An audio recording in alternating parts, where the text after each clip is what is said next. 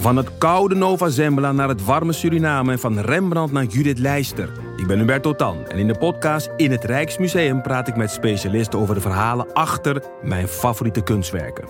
Nieuwsgierig? Beluister nu de nieuwe afleveringen. Je hoort mensen willen zeggen dat het boek beter was dan de film, maar wij van Boeken FM streven naar om de podcast beter te laten zijn dan het boek. Wij lezen de klassiekers die je nog niet gelezen hebt. We lezen de boeken die je heel graag wil lezen, maar waar je eigenlijk voor schaamt om in het publiek mee gezien te worden.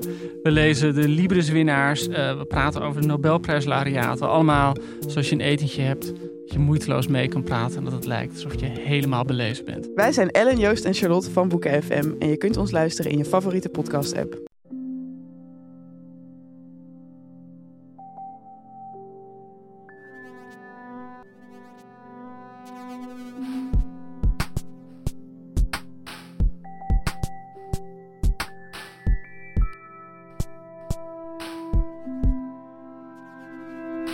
Dit is Relaas. In Relaas vertelt iemand een waar gebeurd verhaal over iets dat hij zelf heeft meegemaakt. En we gaan luisteren naar het relaas van Benedict. Benedict is een goede kennis van mij. Ze zal eens komen vertellen tijdens het relaas. En haar vorige verhaal ging over haar idolatrie voor ene Chris en Koen. Je weet wel, Chris en Koen van het fantastische popduo Cluzo. Maar deze keer vertelt ze een verhaal over hoe ze als kind of meer als adolescent, 18, 20 jaar, hoe ze gevormd, gekneed wordt tot wie ze eigenlijk is vandaag. En dat is dan door haar mama, ze geeft het eerlijk toe. En hoe die mama haar paden op haar weg verandert, uitbreidt, versmalt, of misschien in een richting brengt die niet zo evident is.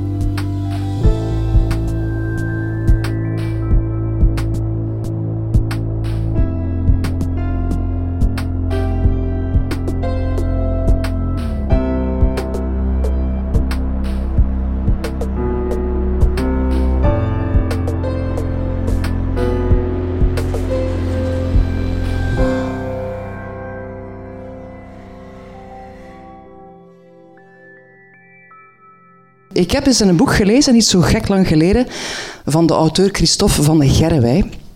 Goeie auteur trouwens.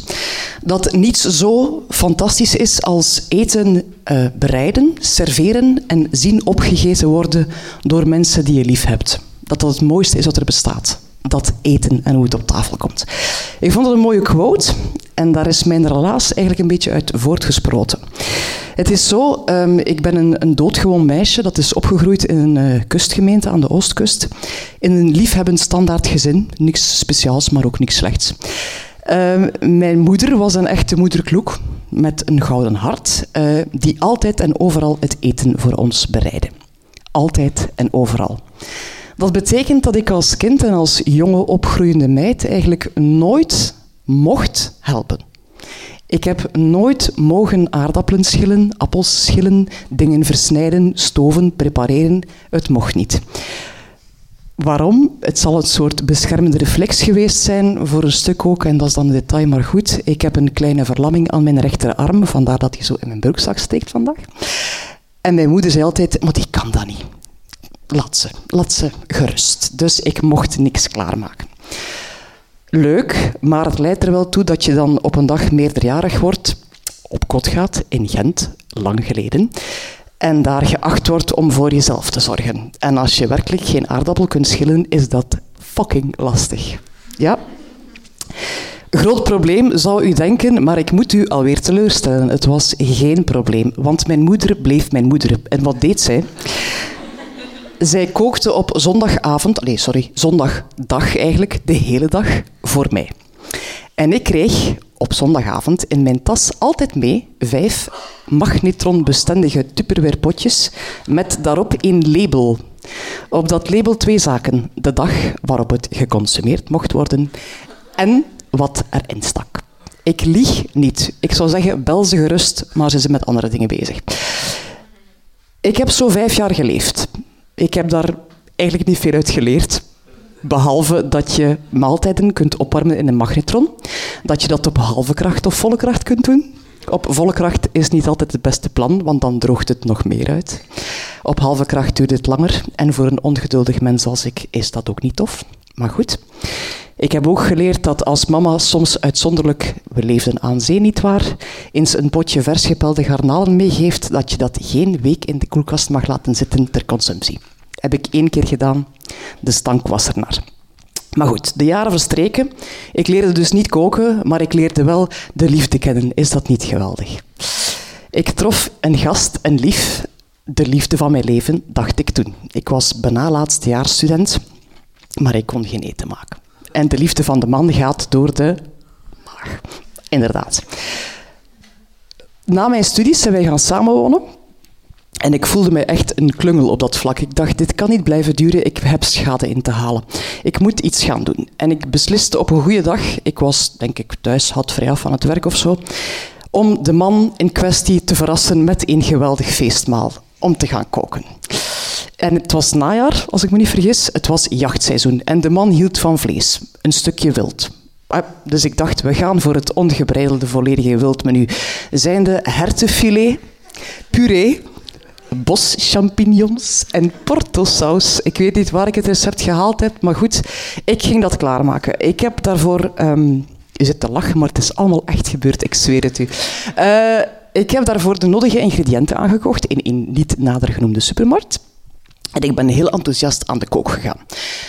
Wat ik precies heb gedaan, weet ik eigenlijk niet meer, maar ik heb een paar dingen onthouden. Dat ik die champignons gewoon uit de verpakking heb in een pot gegooid met boter dat ik de patatten gekookt heb in water, uiteraard. Het waren vastkokende patatten. Dat zijn niet de juiste voor puree, beste mensen. Daar heeft u bloemige aardappelen voor nodig. Ik heb iets met porto en bloem gedaan in de hoop dat er saus zou van komen.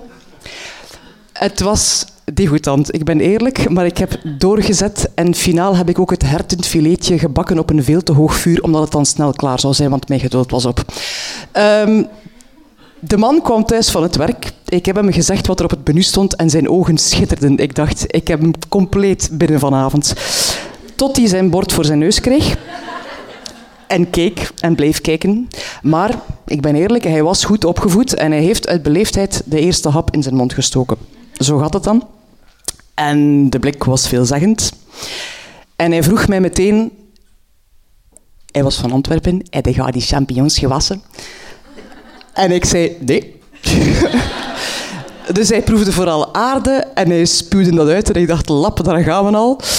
Uit beleefdheid is daarna nog een stukje vlees in zijn mond gegaan en ik denk dat het daar gestopt is. Uh, de hele mik is in de vuilbak beland.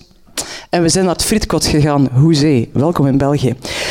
En hij heeft toen gezegd van, laat dat koken voor wat het is, ik doe het wel voor u. En ik dacht, jee, opgelost, ik hoef wederom niet meer te koken. Maar ik wou niet compleet forfait geven en heb mij toen bekwaamd in iets eenvoudigers. Ik zei tegen mezelf, Bene, keep it simple en blijf indruk maken. En ik heb mij in zeer korte tijd bekwaamd in de moeder aller Vlaamse gerechten, de hesperwoltjes in het schoon Vlaams witloof in ham met kaassaus. Ik heb daar mijzelf echt een expert in gemaakt in no time. Ik leerde puree maken van de juiste aardappelen. Ik leerde witloofstronkjes stoven de, nacht, de, de avond ervoor, een nachtje laten uitlekken, heb je dikkere kaassaus, et cetera, et cetera. Enfin, dat gerecht werd mijn unique selling proposition. Zodanig goed was ik daarin dat ik dat, ik ben eerlijk, soms tot drie keer per week serveerde. Mijn lief vond dat aanvankelijk tof en op den duur absoluut niet meer. Uh, en dan heeft hij op een bepaald moment gezegd van... Jong, laat het, ook dit hoeft niet meer, ik kook zelf wel. Eh? Dus daar stopte het dan weer. Goed. Toeval wil, op een dag um, hadden wij een invitatie op zak van een neef van mij. Een goede neef, fijne neef, zeer leuke mens. Had ons uitgenodigd om te komen eten. Wij wisten ook, het is een fijne mens, maar als hij ons uitnodigt, dan hangt er een staartje aan. Dan heeft hij iets nodig. Meestal PC-ondersteuning, want het lief van mij was een ingenieur. En die kunnen alles met computers.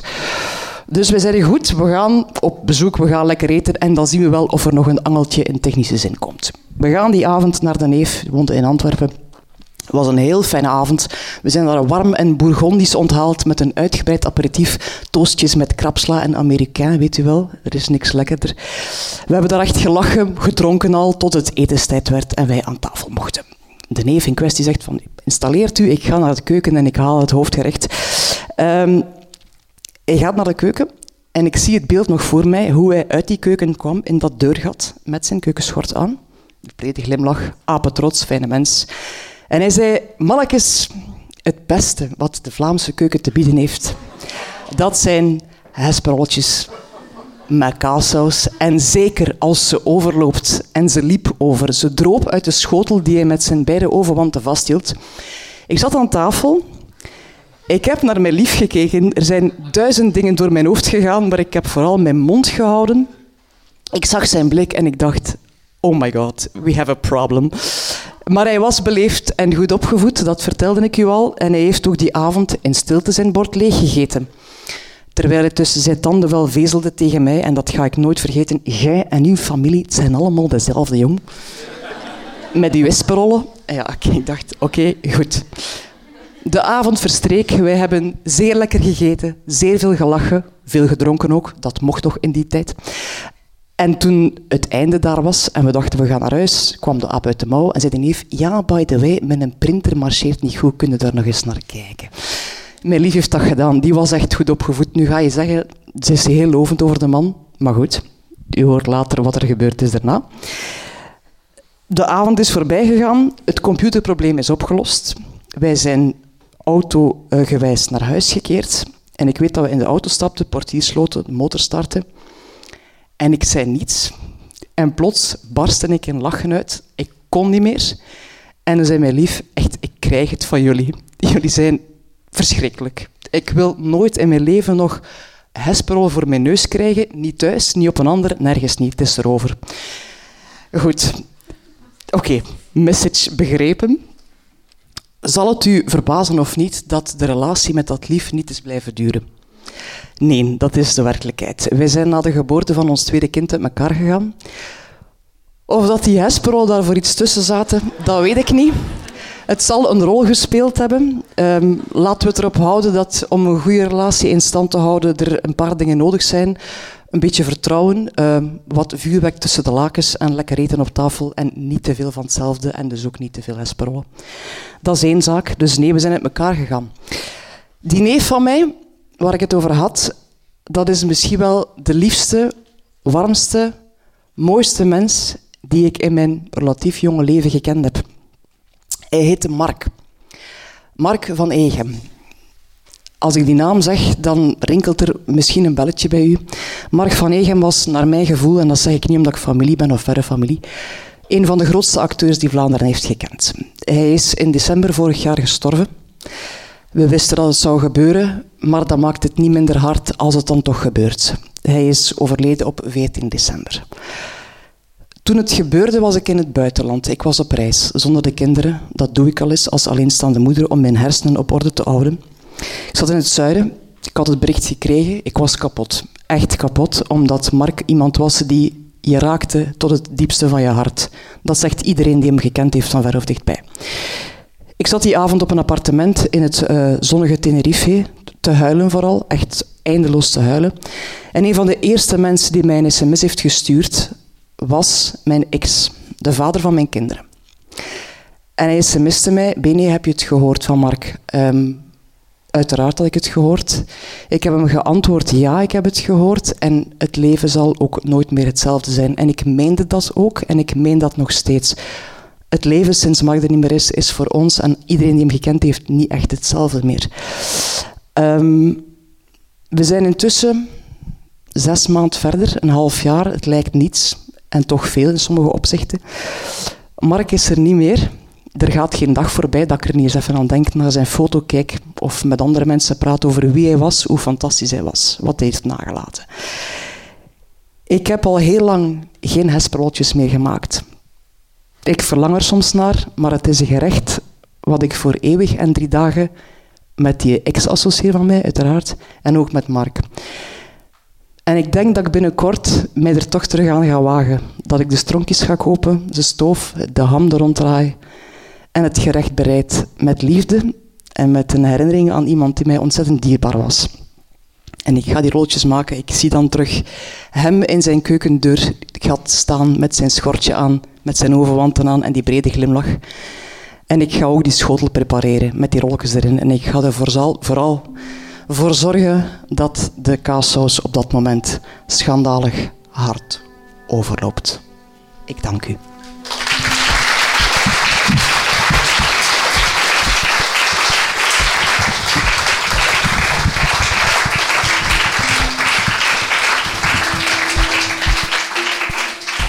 Je hoorde het relaas van Benedict, Bene. Ze vertelde het in mei van 2018 in Huset in Gent.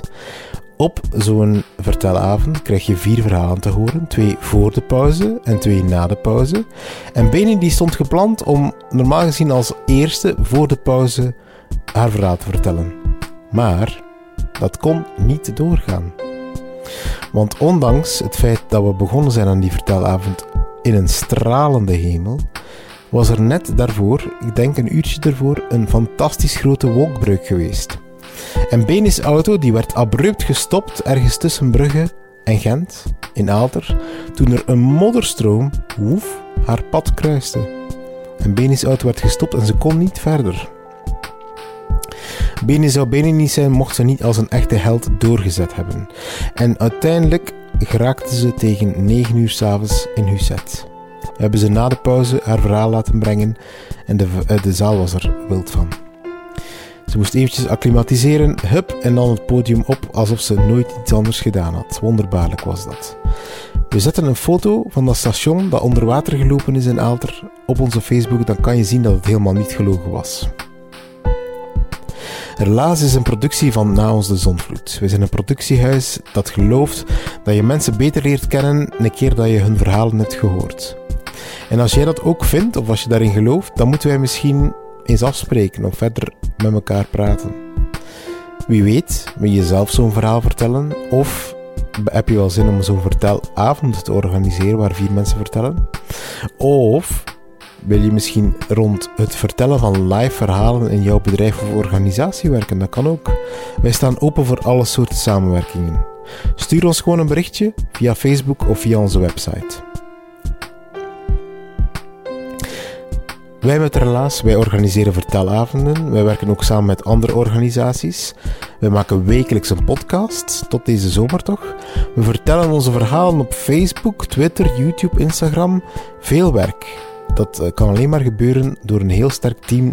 En we werken allemaal als een uh, fantastisch team samen. Sarah de Smet, Edwin Gontier, Katlijn de Vries, Stefan Gruijaert, Sarah Latrey, Timon van de Voorde, Annelien Schelstraten, Marleen Michels, Ruby Bernabeu Plaus, Steve Konaar, Charlotte Huigen, Evita Nocent, Dieter van Huffel, Philippe Cox, Sarah de Moor, Silke Dury, die doet momenteel haar stage bij Relaas, en uh, ikzelf ben Pieter Blomme. En het echte recept voor hesperolletjes met kaassaus, we hebben het op onze Facebook gezet. Ik uh, vroeg mij af, is het wel het echte recept voor uh, met kaassaus? Misschien moet jij eens gaan kijken en vertellen of daar eventueel iets anders bij moet. Je kan het zien op de Facebook van Relaas. Dankjewel om te luisteren en als je zin hebt, stuur dit verhaal door naar iemand aan wie dit verhaal jou doet denken. Je doet er niet alleen onze plezier mee, maar ook de persoon aan wie je dit verhaal doorstuurt. Dankjewel, tot gauw.